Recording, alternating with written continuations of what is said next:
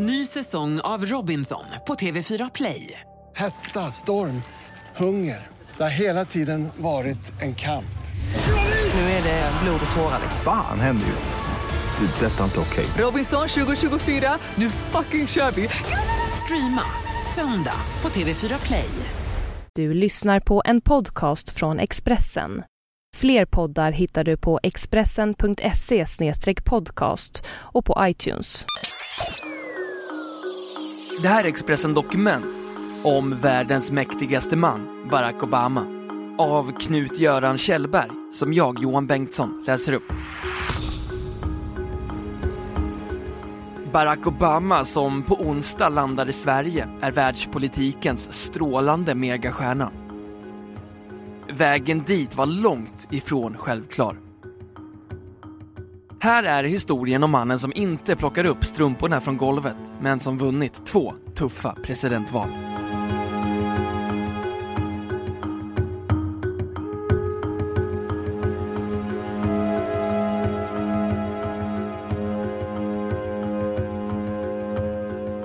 Den 20 januari 2009 svor Barack Obama presidenteden i Washington. Hela staden firade och hiphopparen Jay-Z sjöng på en nattklubb en låt som följt Obama under kampanjen. Rapparen placerade Obama bland legendarerna i medborgarrättsrörelsen. Rosa Parks satt så att Martin Luther King kunde gå. Martin Luther King gick så att Barack Obama kunde springa. Barack Obama sprang så att våra barn kan flyga.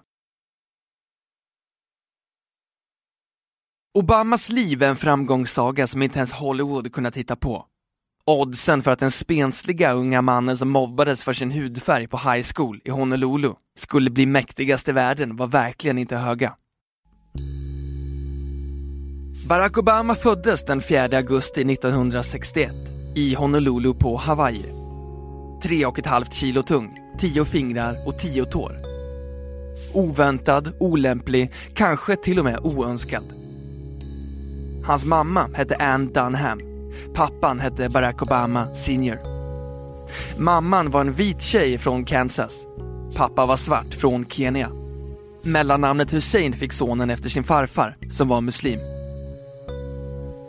Barack Senior var utbytesstudent vid University of Hawaii och där mötte han Ann 1960. De gifte sig 1961 och då låg den blivande presidenten i mammas mage sedan tre månader. Mamma Ann var 19 år och pappa Barack var 25. Det blev ett studentäktenskap. Ann och Barack gick till fredsdomaren och gifte sig vid en enkel borgerlig ceremoni. Folk gjorde så på den tiden om det var ett barn på väg. I många amerikanska delstater var då äktenskap mellan svarta och vita förbjudet, men inte på Hawaii. Äktenskapet stormade. Ann och Barack Senior separerade då sonen var två. I sin memoarbok Min far hade en dröm skriver Barack Obama Min far var försvunnen. Han hade lämnat oss och inget som min mor eller mina morföräldrar berättade kunde undanröja detta enkla, obestridliga faktum. Jag fick aldrig veta varför han gett sig av eller hur det kunde ha varit om han hade stannat kvar. Pappan fick ett stipendium till Harvard, skaffade en ny familj, tog examen i ekonomi och flyttade senare hem till Kenya. Obama träffade sin far bara en gång efter att han övergivit familjen i Honolulu. Han var tio år då. 1982 omkom Barack Obama senior i en bilolycka. Efter skilsmässan träffade Ann en annan utbytesstudent på universitetet. Han hette Lolo Soetoro och kom från Indonesien. De gifte sig 1967 och tog med sig Barack, som då var sex år, till Assisi i Jakarta. Anne upptäckte snabbt att det inte var paradiset hon drömt om. Indonesien var fattigt, farligt och underutvecklat. Det fanns ingen framtid där för Barack.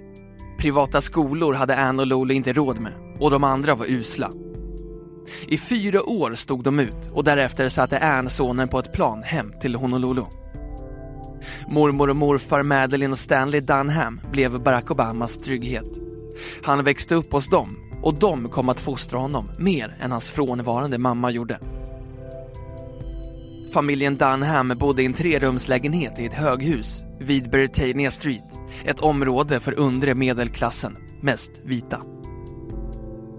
Obama fick ett stipendium till Panau Academy, en prestigefull och dyr skola som grundats av missionärer 1841. Skolan var inte lätt att komma in på, men antagningsnämndens ordförande råkade vara morfars chef. Jag fick för första gången erfarenhet av positiv särbehandling, skriver Barack Obama. Starten i skolan blev en tioårings mardröm. För första gången i sitt liv började Barack Obama fundera över varför människor har olika färg på huden. I klassen var bara han och Coretta svarta. Alla andra var vita. Första skoldagen frågade en rödhårig flicka om hon fick känna på mitt hår. En rödkindad pojke frågade om min far åt människor, skriver Obama. Också i höghuset tisslades och tasslades det. Ett äldre vitt amerikanskt par och deras svarte dotterson. Det var fördomarnas tid. De två sista åren på high school var tuffa för Barack Obama. Han tonårsrevolterade och började använda narkotika, marijuana, kokain och sprit. Det hjälpte att röka på ibland. Och med en sträng vitt i näsan när jag hade råd, berättar han i boken Min far hade en dröm. Hans toppbetyg rasade, han la skolböckerna åt sidan, slutade skriva till sin pappa som inte heller skrev några brev.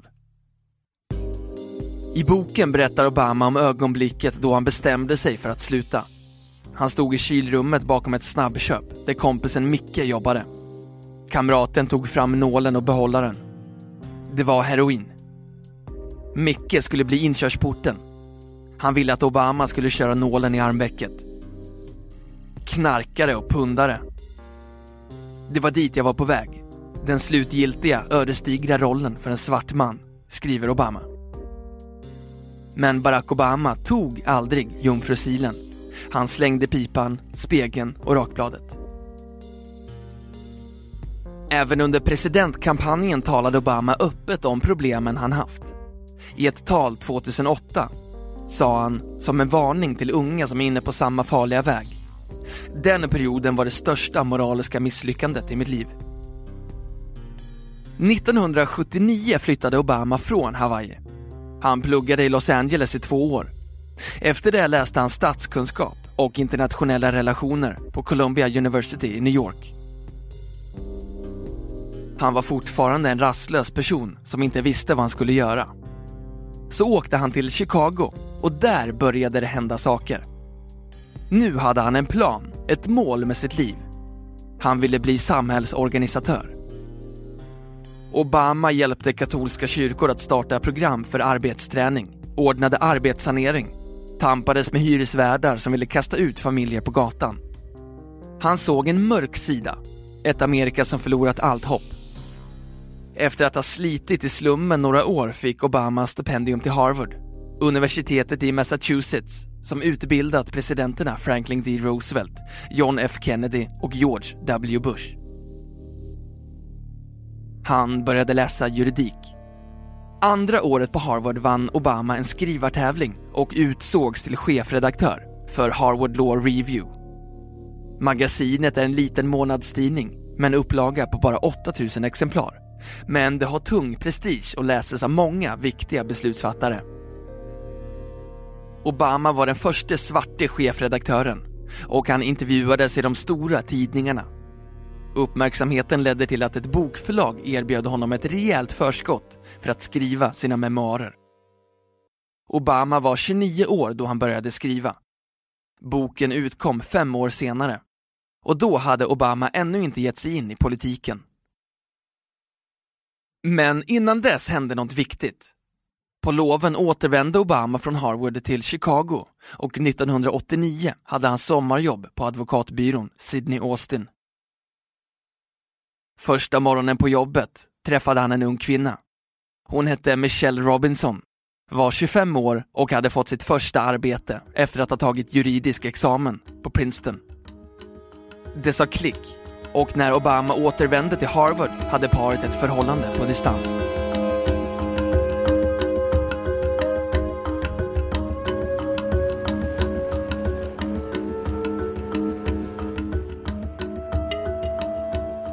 Michelle Obama är en skärpt kvinna med karisma. En del av parets vänner säger att det är hon och inte han som är familjens stjärna. I Vita huset är det idag samma strålande glans kring paret Obama som när JFK bodde där med Jackie.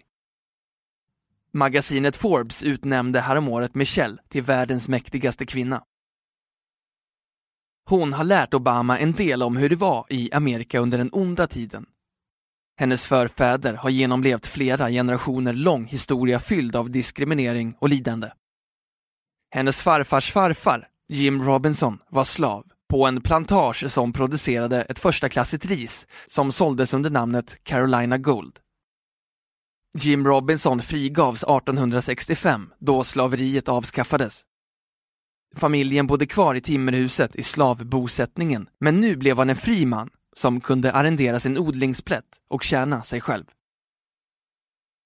Michelle växte upp i slum och fattigdom men klarade att ta sig till Princeton och ta juridisk examen. Och nu är hon First Lady. Hennes historia är nästan lika fascinerande som Obamas. Lika amerikansk. Efter att Barack Obama tagit sin examen på Harvard fick han mängder av erbjudanden om jobb. Det mest smickrande var som notarie i Högsta domstolen. De flesta unga jurister skulle kunna mörda för ett sådant erbjudande. Men Obama tackade nej. Han hade andra planer. Han ville bli politiker. Michelle tyckte inte att det var någon bra idé. I senaten i Springfield är det inte precis de viktigaste besluten som fattas. Men vill man ändra på världen så måste man börja någonstans, svarade Obama. Han blev invald och kom att sitta kvar i åtta år. Så värst mycket fick han inte uträttat eftersom Republikanerna var i majoritet under de första sex åren. Obama hade det tufft i början med en del av sina svarta kollegor. Han ansågs inte svart nog för att representera delstatens afroamerikaner. Obama kände sig mogen för större uppgifter. Washington lockade. År 2000 försökte han bli vald till USAs senat men föll i primärvalen mot den sittande kongressmannen Bobby Rush, en före detta Black Panther-medlem. 2004 fick han en chans till och då vann han. Ett nytt liv började. Michelle och döttrarna Malia och Sasha ville inte flytta med till Washington. Äktenskapet började knaka. Michelle Obama berättar. När han var hemma ville jag att han skulle vara som alla andra män. Han ska dammsuga sovrummet, bära ut soppåsen och han måste läsa färdigt Harry Potter-boken för våra döttrar. Barack Obama berättade själv om det krisande äktenskapet i sin bok Våga hoppas. När jag påbörjade min olycksaliga kandidatur låtsades Michelle inte ens vara glad över beslutet. Att jag aldrig kunde hålla rent i köket blev plötsligt mindre charmigt. När Sasha föddes kunde min fru knappt tygla den ilska hon kände mot mig. Hon sa att jag bara tänkte på mig själv. Den 10 februari 2007 var en bitande kall dag i Illinois. Barack Obama hade en tjock svart ytterrock då han ställde sig framför mikrofonen på ett torg i Springfield. Jag kandiderar till jobbet som Amerikas förenta staters president, sa han. Hans vallöften var tre. Slut på Irakkriget, minskning av USAs beroende av olja från utlandet och sjukvård för alla. Michelle hade varit svårast att övertyga. Men tänk om Obama vann? Obama sa senare att om Michelle hade sagt nej så hade han aldrig ställt upp. Många amerikaner var trötta på Bush-eran i Vita huset. Barack Obama var en anti-Bush. Presidentkandidaten framstod som en världsmedborgare. Barndom i Indonesien, rötter i Afrika, ett muslimskt mellannamn. Han hade problem i början. De vita tyckte inte att han var tillräckligt vit. De svarta tyckte inte att han var tillräckligt svart. Obama övertygade om att det inte var en svaghet utan en styrka. Han ville bli allas president. Du minns säkert kampanjen. Hillary Clinton var given vinnare. Det trodde de flesta. Obama åkte kors och tvärs genom USA, fyllde sportarenor med jublande anhängare, hyllade som en rockstjärna. En frälsare som skulle rädda landet. Michelle gav sig motvilligt in i valkampanjen. Öppenhjärtigt berättade hon i ett tal i New York. Vi har fenomenet Obama, geniet Obama. Och så har vi den Barack som bor hemma hos mig. Den killen är inte lika imponerande. Han snarkar. Han ställer inte in smöret i kylskåpet efter frukost. Han kastar inte sina smutsiga strumpor i tvättkorgen. Och han är inte bättre än Sasha på att bädda sängen, sa hon. Väljarna ville höra det också. Den politiska ikonen var en alldeles vanlig människa. Obama vann med god marginal mot Republikanernas kandidat John McCain. Malia och Sasha hade ett krav för att de skulle följa med till Vita huset. De ville ha en hund.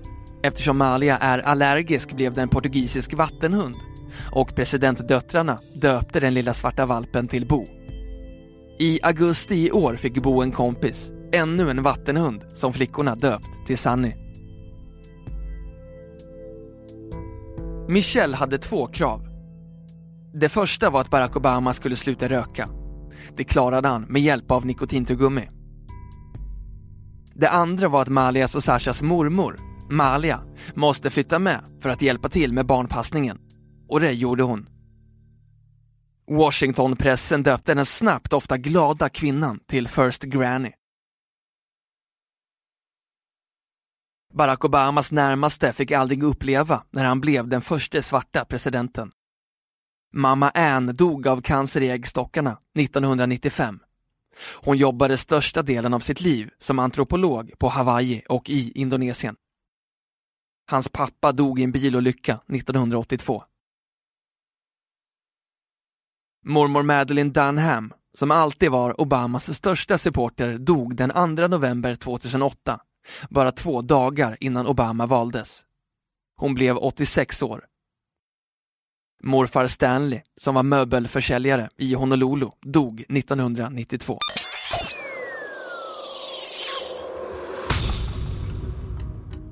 Du har hört Expressen Dokument om världens mäktigaste man, president Barack Obama, av Knut-Göran Kjellberg, som jag, Johan Bengtsson, har läst upp.